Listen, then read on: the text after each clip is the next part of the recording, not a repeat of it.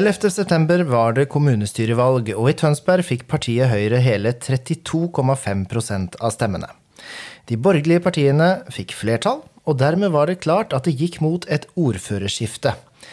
Og 6.10 vedtok det nye kommunestyret at Frank Pedersen skulle bli ny ordfører i Tønsberg. Du hører på Kommunen og meg, en podkast fra Tønsberg kommune. Mitt navn er Anders Tyvan, og jeg sitter her sammen med Frank Pedersen, vår flunka nye ordfører. Hei, Frank. Hei, hei. Hva foregikk inni hodet ditt, og hva følte du da du overtok ordførerkjedet fra din forgjenger Anne Rygg Pedersen? Ja, det var jo en spesiell dag. Jeg måtte satt og var veldig konsentrert, eh, og var veldig opptatt av at ting skulle gå bra for seg. Eh, jeg og Anne hadde jo snakka litt på forhånd hvordan vi skulle gjøre dette her. Eh, så jeg var godt forberedt på akkurat det øyeblikket som, hvor jeg skulle få kjede. Jeg hadde jo forberedt en tale. Men eh, når Anne avsluttet sin tale og snudde seg mot meg og på en veldig verdig måte hengte kjedet over over halsen min, så må jeg si at det, det, var noe som skjedde i kroppen. Det var en sånn en følelse som da Plutselig gikk det opp for meg at nå skjer det. Mm. For jeg har vært så konsentrert før det at uh, jeg tenkte ikke over akkurat det øyeblikket, men det øyeblikket kom veldig sånn raskt på meg. Som, og det var sånn Ja, det var, den, kroppen reagerte på en sånn veldig fin og positiv måte, da. Det så nesten ut som at du trengte litt tid på å hente deg inn før du tok ordet for å holde din egen tale. Var det et sterkt øyeblikk for deg? Ja, det var jo et sterkt øyeblikk, og et øyeblikk kanskje jeg ikke var helt forberedt på. Men så var jeg jo veldig opptatt av at eh, jeg skulle ha oppmerksomheten fra kommunestyresalen. Og jeg ville at Anne skulle sette seg på sin plass. Mm. Og vi hadde jo da et skifte hvor varaordfører også skulle finne sin plass. Og det var litt sånne ting som skjedde, så jeg var veldig opptatt av at det skulle være ro i salen før jeg eh, holdt talen, som var viktig for meg. Eh, fordi hadde, den var godt forberedt, eh, og den hadde jo elementer i seg at jeg ville takke administrasjonen. Jeg ville snakke til det nye kommunestyret, og ikke minst de nye representantene, som var nyvalgte politikere, så de skulle få en god start i, i vervet som politiker. Og Tønsberg Blad de hyller jo nærmest eh, måten dette maktskiftet skjedde på. Eh, og du brukte jo også anledningen i din tale til å eh, ikke bare takke Anne Rygg Pedersen for innsatsen hun har gjort som ordfører, men også skryte litt av henne. Er det politiske klimaet i Tønsberg kommune så godt som man kan få inntrykk av? Altså, gjennom de senere årene nå, så opplever jeg at det er et godt politisk klima og miljø, tverrpolitisk.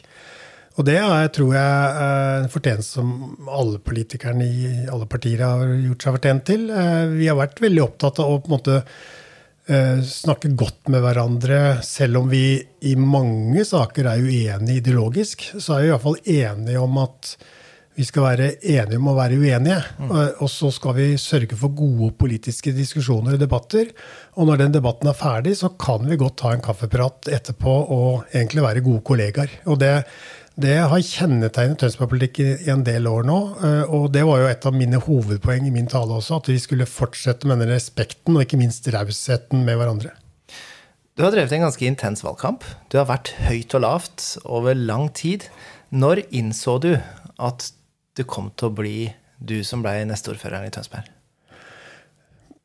Altså, valgnatta eh, ga jo noen signaler, noen pekepinn. Det var jo, jeg var jo veldig opptatt av at våre samarbeidspartier skulle få inn representanter. Og det var jo Det sto jo vippa en time eller to der. Eh, så helt sikker var jeg ikke. Og jeg var jo ikke helt sikker før vi hadde satt oss ned sammen med de andre partiene og sett om det var grunnlag politisk for et samarbeid. Så det var jo Jeg var jo ikke sikker før vi på en måte gikk ut offentlig da med samarbeidsplattformen, eller at vi har vært enige om at at vi skulle samarbeide.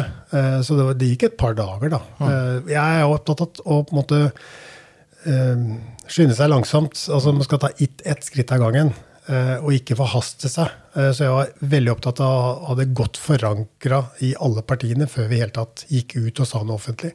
Nettopp. Men så gikk det din vei. Og nå har du jo hatt noen dager da i ordførerstolen. Hvordan har de dagene vært? Ja, det var jo rett på, da. Eh, dagen etter så hadde jeg en fantastisk opplevelse på Barkåker skole, hvor jeg åpna gapahuken der. Eh, og det var jo ja, rene 17. mai-stemningen. Og, og, jeg var så jeg var imponert over uh, de elevene, og ikke minst de fra barnehagen jeg møtte, hvor måtte, flinke og og ordentlig de var. De var så høflige, og det var, og det var jo litt spesielt for meg, for jeg er jo, en, jeg er jo bare Frank egentlig den dagen. Og, og, så var det det at når jeg kom med det kjedet, så følte jeg liksom at det var noe spesielt for dem. Eh, og det, det setter jeg stor pris på, selvfølgelig. Men det, jeg har jo fått meldinger fra noen av de eh, barna som var der i etterkant, faktisk, nå i helgen. Og jeg, jeg setter jo så pris på det, at det betydde så mye for dem at jeg kom, eller at ordføreren kom. da. Det er på en måte, Og det kjedet, det er jo ikke mitt kjede, det er jo vårt kjede. Det er jo på en måte, det er jo barnas kjede også. Det er jo mm. kommunens kjede. Så, så det, var en, det, var en, stor opplevelse, og de var godt forberedt, og det var en, det var en skikkelig god stemning. Fikk du klippe i din første snor også, eller? Ja da, og ja. det var jo ikke noe Normalt så det, har jeg sett før da, at det er sånn med norske flagg, men det som var her, det var altså barkokkeflaggfargene, som var hvitt og grønt. Og det, men det klippet jeg sammen med elevrådslederen Jenny. Ja, så flott. Hva slags ordfører ønsker du å være? Jeg ønsker å være, altså jeg sa jo det i talen min også i kommunestyret, at jeg ønsker å være ordfører for alle. Og det er jo på en måte flere elementer i det. En ting er jo ordfører for alle, for alle politikerne, men også for alle innbyggerne. Eh, og da inkluderer jeg jo lag og foreninger, næringsliv osv. Men jeg ønsker å være en tilgjengelig ordfører. Jeg ønsker å være involvert. Eh, og jeg er jo kjent for å være veldig konkret verks. Så, så hvis det er en sak jeg brenner for, så ønsker jeg å være involvert og se om vi kan gjøre noe med et innspill eller hva som kommer fra, fra innbyggerne. Så tilgjengelighet øh, og en som er lett å komme i kontakt med, er jeg opptatt av. Nettopp. Og så har du jo faktisk da valgt å flytte ordførerkontoret for Før så var det sånn at hvis du skulle besøke ordføreren, så måtte du inn eh, på eh, servicesenteret, altså resepsjonsområdet på rådhuset, og så måtte du inn noen ganger forbi kommunestyresalen og inn mm. bakgangen. Der satt eh, ordføreren. Nå har du flytta kontoret helt ut i servicesenteret. Hvorfor har du valgt å gjøre det, da? Nei, Det er som du sier, altså. Ordføreren var litt bortgjemt. Borti en krok. Vanskelig å nå eller være tilgjengelig. Så jeg jeg bestemte meg ganske tidlig for at nei, jeg vil sitte der folk er. Eh, så da har jeg vært så heldig å fått et kontor ute i Servicetorget, eller Servicesenteret. Eh, og der er jeg lett tilgjengelig, og der er en åpen dør. Eh, og når jeg er der, så, så ønsker jeg at folk skal ta kontakt og prate. Så det, det var baktanken med det, at jeg skulle være mer tilgjengelig og synlig, ikke minst.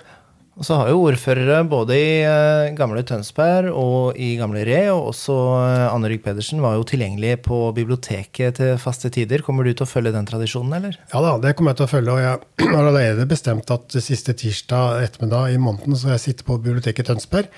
Men så gjør jeg en liten annen vri i, på Revetal. Uh, jeg har lyst til å være der hvor folk er, og derfor har jeg gjort en avtale med Retorget. Så jeg kommer til å sitte på Polet? På polet, ikke på polet, nei, men jeg kommer til å sitte nærme av blomsterbutikken. Ja, okay. eh, på benken der, og der blir det en ordførerbenk. da, Og det blir første torsdag i hver måned. Så kommer jeg til å være der et par timer.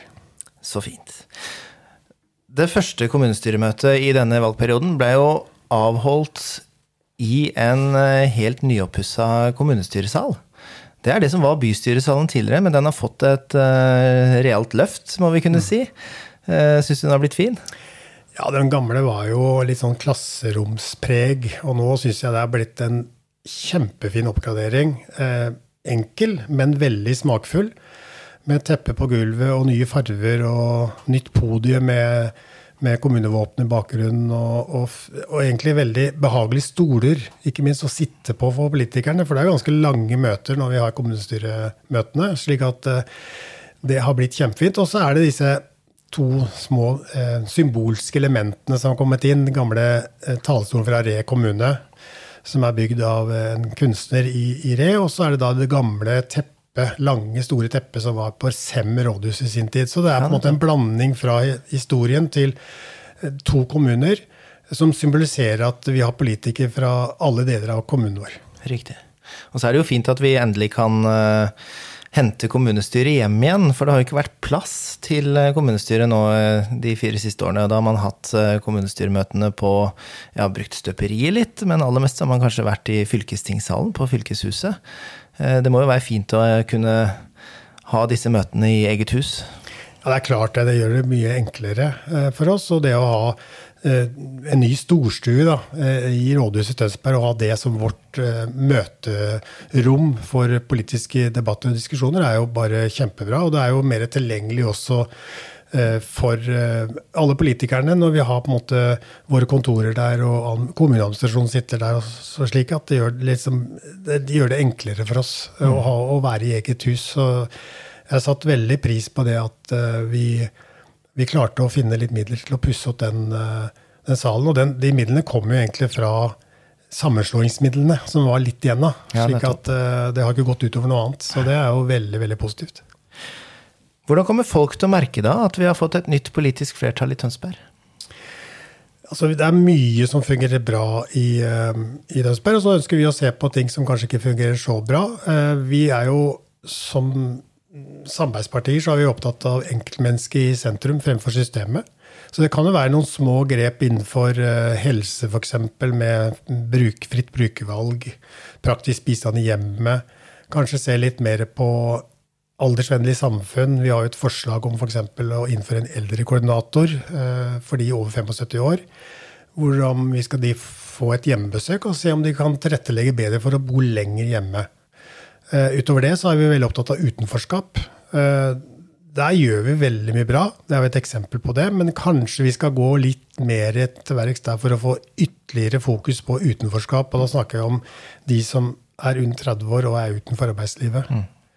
Så, så, vi får se. Men uh, vi er jo også opptatt av å se på på ting som er lavthengende frukter, da, som ikke nødvendigvis koster så veldig mye sånn i første omgang. Fordi vi ønsker å fortsette den gode økonomiske styringa uh, som vi har hatt i Tønsberg de siste årene. Og det er vi veldig opptatt av å føle oss litt fram, i hvert fall det første året. Men da heller se på små grep som kan gjøre at uh, innbyggerne opplever at vi setter enkeltmennesket foran systemet. Mer enn det er gjort tidligere, kanskje. Hva er de største utfordringene for Tønsberg fremover, da? Det er jo kommuneøkonomien. Mm. Statsbudsjettet er akkurat lagt fram, og nå får vi se hvordan det til slutt eh, blir vedtatt. Men det var jo ikke noe, det var jo et ganske kjedelig statsbudsjett eh, for vår del. Og det gir oss ikke noe mer frie midler enn vi har hatt det nå. slik at vi vi må fortsatt ha fokus på et veldig stram styring. Og det store utfordringen er jo at vi har jo veldig press på eldreomsorgen i forhold til vi blir flere og flere eldre. Vi har en ganske ambisiøs eh, investeringsplan på utbygging av skole, barnehage. Eh, vi skal bygge kanskje et sykehjem etter hvert. At, eh, og vi har et vedlikeholdsetterslep på kommunale bygg som vi må se på. Så er, vi, må, vi må ha tunga rett i munnen. Vi må, må være forsiktige med pengene våre. Og så må vi sørge for at vi opprettholder gode kommunale tjenester, de som er lovpålagte, til våre innbyggere. Men det er jo fire partier da, som eh, nå samarbeider, og som har lagt fram en felles politisk plattform. Det er eh, Høyre, Fremskrittspartiet, KrF og Venstre. Eh, og Så sier du at dere må være forsiktige, og den store utfordringen det er kommuneøkonomien. Men så legger dere fram en politisk plattform der dere bl.a. har et ganske hårete mål om at Tønsberg skal bli landets beste kommune å vokse opp i, og hvor dere gir ganske mange konkrete løfter. Dere skal øke lærertettheten, dere skal styrke bemanningen i barnehagene, dere skal styrke barnevernet, dere skal styrke skolehelsetjenesten, og dere har også mange konkrete løfter innenfor både helse og eh, alle de andre sektorene i kommunen vår som koster penger. Går de i hop? Kommer dere til å klare å oppfylle disse løftene? For det første så er dette et, program over fire år. Eh, så det må vi ta i betraktning. at det er jo ikke ting, Vi skal jo ikke gjøre ting over natta. Så det er som jeg sier, vi må bruke det første året nå på en måte finne ut av hva slags handlingsrom vi har. Eh, er det mulig for eh, noe effektivisering? Er det andre, andre måter å jobbe mer smartere på? Bruk av velferdsteknologi osv. Så, videre. så Så det er, eh, Og så må vi jo en prioriteringsliste, da. slik at Du nevnte jo eh, barnehager. Der er det jo vært snakk om mer fleksible åpningstider, f.eks. Det står også i plattformen. Men det vi vil prioritere først, er å styrke bemanningen først. Mm. Før vi ser på andre ting. Så vi må ta ett skritt av gangen. Og så får jo da utvalgslederne og de forskjellige utvalgene jobbe med en prioriteringsliste basert på hva slags handlingsrom vi har eh, i kommuneøkonomien.